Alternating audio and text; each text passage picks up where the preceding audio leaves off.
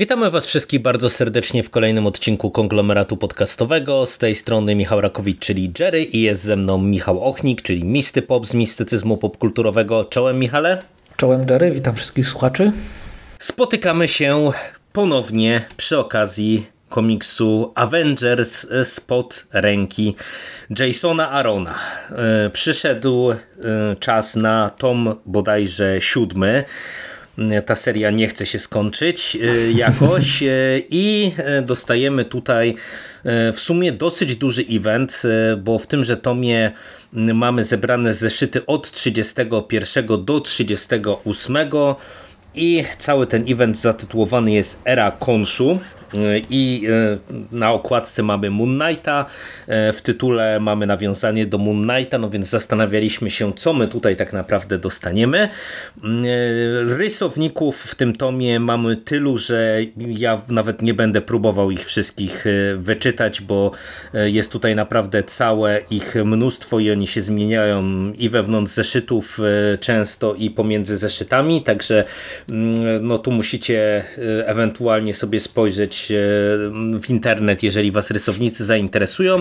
No a my postaramy się opowiedzieć, e, jakie mamy tutaj wrażenia z tego eventu. W sumie chyba dosyć nietypowego o tyle, że... To nie jest event, to jest story arc. No właśnie, to chciałem powiedzieć, że to jest o tyle nietypowy, e, nietypowe takie wydarzenie, że to jest w zasadzie tylko w ramach tego, tej jednej serii. Nie, nie mamy tutaj do czynienia z jakimiś... To jest dziwne, ale przejdziemy do tego.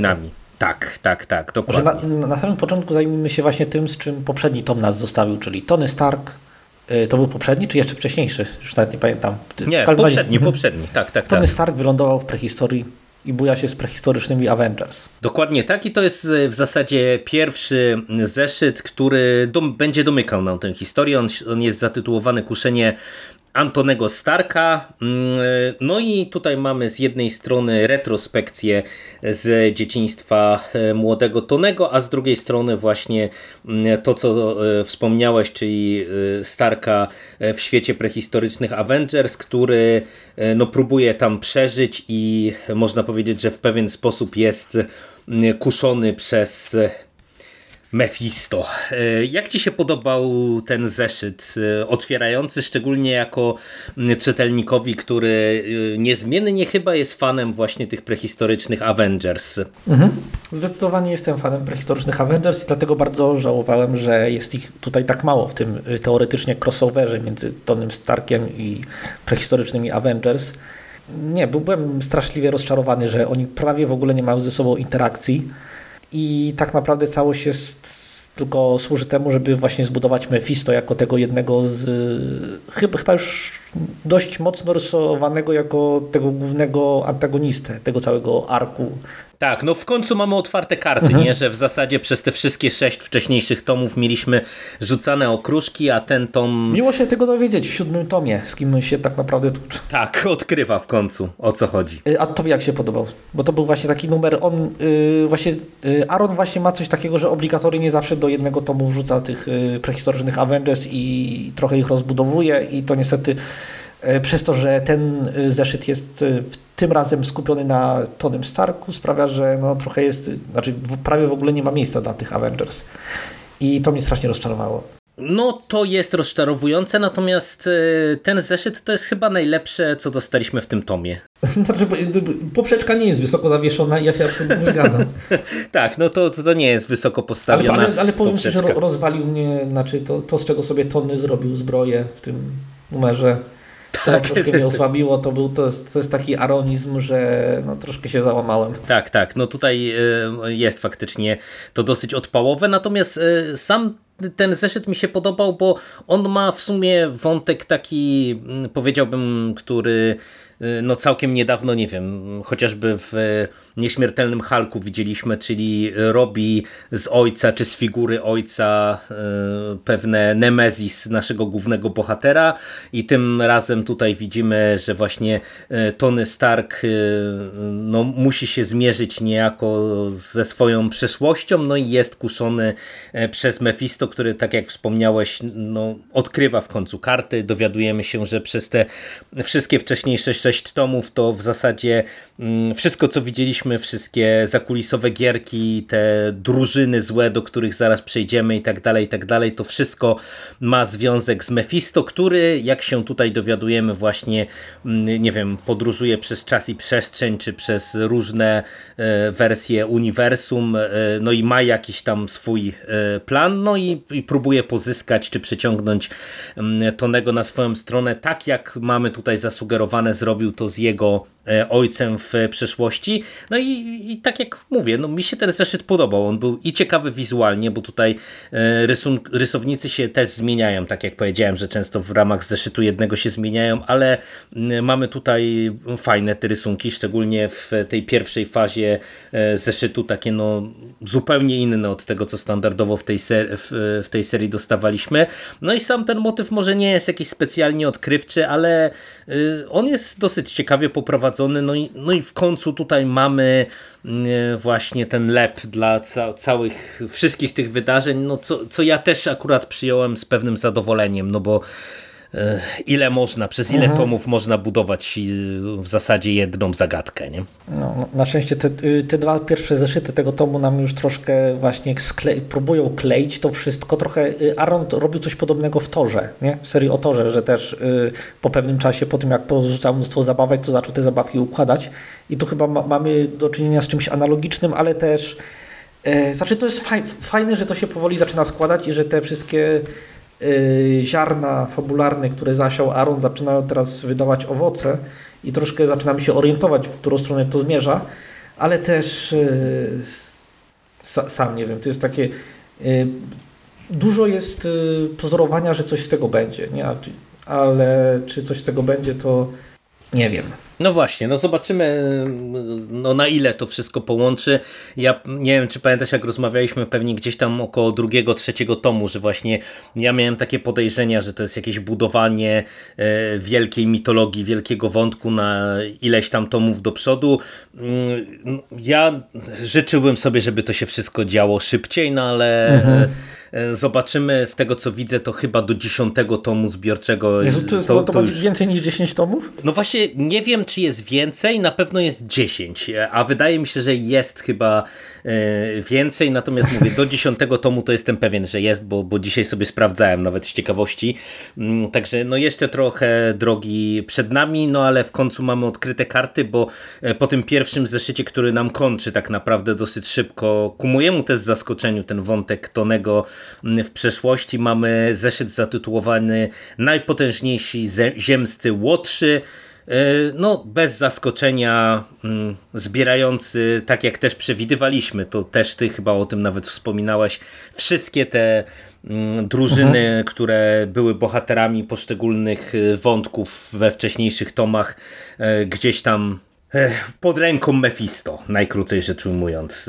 E, podobał Ci się ten zeszyt? E, jakoś myślisz, że może być z tego coś interesującego? Znaczy, yy, mam mieszane uczucia, bo z, jednej strony podobało mi się, że w końcu, w końcu zaczynamy do czegoś dążyć, przynajmniej tak to wygląda, ale z drugiej to, to nie powinien być jeden zeszyt, to powinna być ciągła narracja, która nam powoli, stopniowo buduje całą sytuację, a nie tak, że nagle po prostu zbieramy te wszystkie wątki, za, yy, wątki, które były napoczęte w, każdym poprzednim tomie i teraz je próbujemy splatać. To jest tak mnie trochę e, to, to, wygląda jak łatanina. Nie? To wygląda jakby Aaron nagle zorientował się, że potrzebuje, yy, musi to jakoś połączyć wszystko i zaczyna to szybko łączyć. Nie wiem, właśnie są te moje mieszane uczucia. No ja jestem w sumie zaintrygowany, no bo y, te poszczególne ekipy my akurat chwaliliśmy, nie? Te, te wątki, że mamy tą czerwoną gwardię, mamy mm, tę zbieraninę Namora, e, tych wszystkich jakichś morskich bad guyów, e, którzy nagle stają się terrorystami, mamy tą e, gwardię narodową, to, to samo w sobie te drużyny to były spoko pomysły i tylko no właśnie my mieliśmy też z tego co pamiętam głównie problem z tym, że to trochę do niczego nie zmierzało. E, mhm. Tak samo jak z tymi wampirami, no po prostu no były wampiry i, i, i tyle. Tutaj mamy zasugerowane, że właśnie Mephisto ich wszystkich uruchamia, więc zakładam, że e, nie wiem, czy kolejny, czy kolejne dwa tomy na przykład to pewnie będzie walka Avengers z połączonymi siłami właśnie tych wszystkich e, złych organizacji. Nie, nie rozpędzaj się, na, w następnym tomie mamy chyba Phoenix. A, no tak, Phoenix. A, no, no. Aaron. Aaron i rozwodnienie całego tego arku. Tak, to jest... No dobra, ale to może teraz skupmy się w końcu na tym, co, yy, co tak naprawdę dzieje się w tym tomie, czyli yy, na tym story arku, który opowiada o Moon Knightie, naszym starym znajomym, którego ty znasz troszkę lepiej niż ja. Yy, pamiętam, że omawialiśmy jeden tom yy, wspólnie Moon Knighta mm -hmm, i ja miałem dokładnie. bardzo pozytywne yy, wrażenia, szczególnie, że był to chyba mój pierwszy raz tak na poważnie z tą postacią. Y, I y, ty już chyba masz troszkę więcej doświadczenia z Moon Knightem, z Markiem Spectorem. No też niedużo, ale, ale tak, mhm. bo czytałem te trzy tomy, które były wydane w e, ramach Marvel Now, które no, w zasadzie nie stanowiły jakiejś jednej historii, tylko takie pojedyncze tomy tak, pisane nawet przez różnych scenarzystów. Moon Knightowi odwala bardziej niż zwykle i przerabia Nowy Jork i chyba nawet całą Amerykę, nie, nie, jestem pewien, czy było to jasno wyrażone. W, nawet cały świat e, w Nawet zasadzie. cały świat, wielki plan y, zdjęciowy dla, no, y, dla rebootu Gwie, Gwiezdnych Wrót. Tak, no okazuje się, że Konszu E, widzi więcej niż Avengers, czyli dostrzega to, że właśnie Mephisto przez czas i przestrzeń e, ma, czyli realizuje swój jakiś tam wielki mhm. plan e, zniszczenia w domyśle Ziemi, a pewnie i całego multiversum. No i uznaje, że musi zabrać moce wszystkim Avengers, no i właśnie wysyła Marka Spectora, żeby to uczynił. Co w sumie jest dosyć zabawne, że Mark Spector tak łatwo ogrywa mhm. wszystkich Avengers, no czy prawie wszystkich Avengers, łącznie on, z Torem. On, poprawnie, jeśli się mylę, ale on jest y, chyba y, na poziomie ulicznym takim tak. bohaterem, bardziej bliżej Daredevila niż Tora. Tak, no to jego się zwykło nazywać taką, takim odpowiednikiem trochę Batmana właśnie, takiego bohatera mhm. bez specjalnych jakichś tam supermocy po prostu, nie? I tutaj dostał właśnie to turbodoładowanie od Konszu i rozwalił wszystkich Avengers i wprowadził swoje rządy i tłukli się o to, żeby go obalić. I to było dziwne według mnie. Od razu może przejdę do tego, co mnie najbardziej w tym e, to mnie zdziwiło, że tak, e, nie, tam jest chyba nawet taka plansza kilka tygodni później i tu już w ogóle wszędzie są piramidy, tak, tak, cały tak, świat tak. jest podbity mhm. i coś, co wcześniej było, nie wiem, historia godna nie tylko całego eventu, ale w ogóle całego eventu i mnóstwa tie-inów i w ogóle y, rocznego planu. Tutaj nie rozgrywa się w kilka tygodni. E, y, y, Konszu jest władcą świata, Konszu już po kilku tygodniach przestaje być władcą świata i wszystko wraca do normy i to jest takie dziwne. No ja powiem otwarcie, że tak jak nie wiedziałem czego się spodziewać, tak też się zdziwiłem co tutaj dostaliśmy, bo tak jak mówisz, po pierwsze to jest bardzo pośpieszne, po drugie ja się naprawdę spodziewałem, że to jest jakiś y, duży event, a to nie jest event tak jak też na początku powiedziałeś, tylko to jest w zasadzie story arc, co może przez to jak to się szybko wszystko wróciło do normy. O, nie chciałem powiedzieć, że się zmieniło. Nie? No, tak naprawdę jak wróciło do status quo, to może dlatego inne serie w tym nie brały udziału, e, ale dla mnie to było nieprzekonywujące, bo ja ci się przyznam, że ja mam od dłuższego czasu alergię na pisanie fabuł w oparciu o to, że postacie, które ze sobą powinny porozmawiać i gdyby porozmawiały, to dałoby się uniknąć całej zadymy, całego kwasu, mhm. całego konfliktu. Tego nie robią i mamy tak naprawdę konflikt pomiędzy pozytywnymi postaciami, dlatego że ktoś sobie czegoś nie powiedział i to jest mój największy problem z tą historią. No to nie, nie, to jest plaga, szczególnie w crossoverach, nie? gdzie zawsze jest ta zasada, że bohaterowie muszą dać sobie najpierw po piesku, zanim zaczną współpracować. I to jest niestety, też mnie to strasznie drażni, to jest bardzo słabe scenopisarstwo. I niestety, tak jak tutaj słusznie zauważasz, to jest duży problem tego komiksu, że gdyby Mark po prostu siadł i pogadał z kapitanem, albo z Torem, albo z kimkolwiek, to no, nie, nie doszłoby do tego wszystkiego. No tym bardziej, że tutaj też w ramach tego, co, co mówimy, że Aaron zaczyna zbierać okruszki, no to y, y, nagle się okazuje, że coś tam wie Tony Stark, coś wiedzą Avengers, bo tutaj to kosmiczne piętno, ten niemowlak, y, którego muszą niańczyć, y, też odgrywa rolę.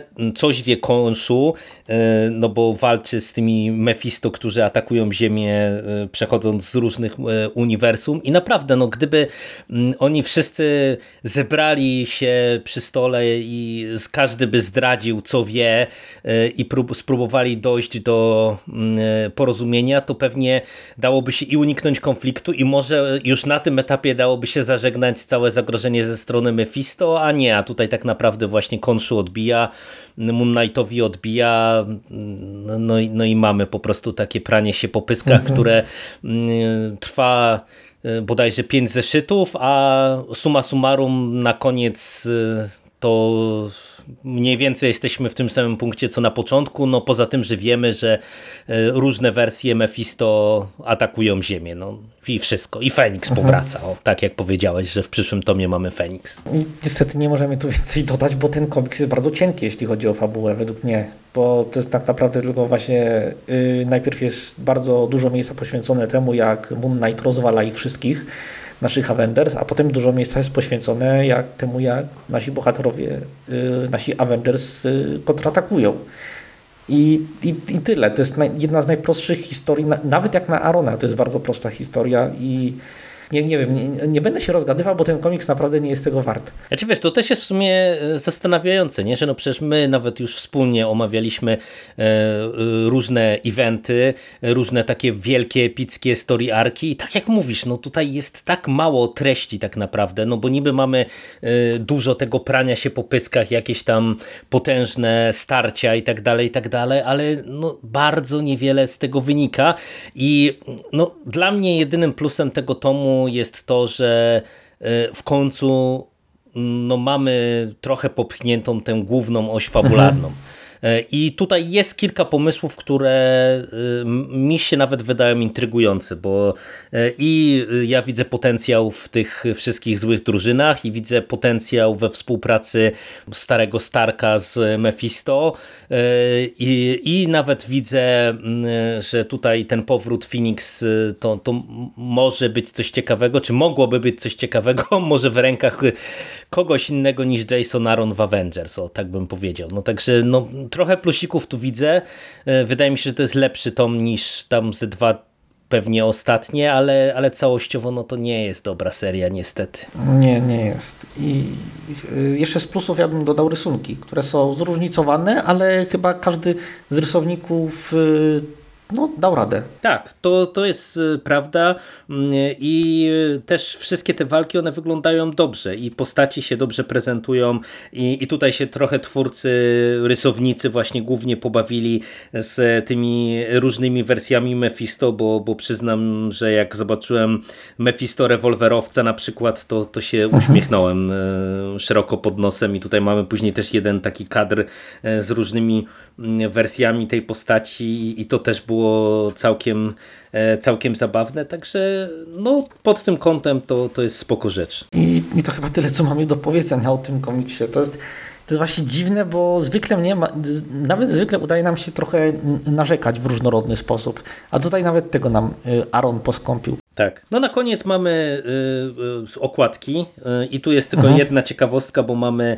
y, alternatywną wersję y, zeszytu numer 36, która zatytułowana jest Heroes at Home i, i była związana pewnie z pandemią, gdzie mamy tak naprawdę... Nie, to, słuchaj, to była y, chyba cała seria okładek różnych serii, mhm. w których właśnie pokazywano różnych bohaterów, jak reagują na obostrzenia pandemiczne. Tak, tak, a tutaj mamy właśnie ten jeden zeszyt Avengers, który jest o tyle zabawny, że to jest krótka historyjka, nie? Mhm. Gdzie, gdzie w zasadzie to nie tyle jest okładka komiksu e, alternatywna, co po prostu właśnie krótka historyjka o tym, jak się zachowywać w pandemii. Także to w sumie taki zabawny smaczek. E. I mam nadzieję, że za paręnaście lat już rzecz nieczytelna i tylko taki, wiesz, artefakt, e, przebłysk z epoki no oby, minionej. Oby. Choć znając życie, to za, zastąpi zostanie, zastąpiony zostanie przez coś jeszcze gorszego. Ale nie zapeszajmy. Nie zapeszajmy, dokładnie tak. E, no i cóż, no i to, to tyle. No tak jak mówisz, no wyjątkowo krótki odcinek, tak jak ja w sumie podejrzewałem, bo mhm. wyjątkowo nie ma tu za bardzo o czym mm, gadać. Jeżeli e, lubicie Avengers Arona, no to, to myślę, że tutaj na tym komiksie będziecie się dobrze bawić. Jeżeli tak jak my e, nie lubicie Avengers Arona, to będzie to pewnie dla was przykry obowiązek, kontynuacja tej lektury. No a na horyzoncie mamy prawdziwie prawdziwie, prawdziwy chyba event taki rozpisany Empireum. na kilkanaście serii. Tak, Empireum, gdzie mamy spotkanie Avengers i Fantastycznej Czwórki. I to już jest dosyć potężne tomiszcze, ale o tym to porozmawiacie sobie z Szymasem. Nie, A, nie mam, no nie mam, to będziecie nagrywać z Szymasem, to, to w ramach waszej X-Menowej serii, także Także to już taka drobna Szlak. zapowiedź na przyszłość. nie, nie, no Jerry jak zwykle to była olbrzymia przyjemność i miejmy nadzieję, że Aaron przynajmniej w najgorszym razie da nam więcej rzeczy do powiedzenia w następnym tomie. Tak, tego sobie życzmy, żebyśmy A mieli o kiedy kolejny tom? E, wiesz to, właśnie nie wiem, e, czy dopiero gdzieś nie pod koniec roku, bo nawet nie widać zapowiedzi, a szczerze mówiąc w katalogu nie sprawdzałem. Wydaje mi się, że jeszcze jeden tom w tym roku mamy dostać, ale to gdzieś tam w końcówce dopiero, nie? No to miejmy nadzieję, że to Egmont nie będzie się spieszył jakoś specjalnie. tak, zobaczymy, zobaczymy, e, kiedy się tam spotkamy z Avengers ponownie, ale no cóż, póki co ja Ci dziękuję bardzo za rozmowę. A Tobie również. No i mam nadzieję, że się wkrótce usłyszymy przy Sandmanie, przy naszej drugiej flagowej serii. Tam zakładam, że będziemy mieli dużo więcej do powiedzenia. Oby, oby. Dobra, trzymaj się Michale, cześć. Cześć, cześć, cześć.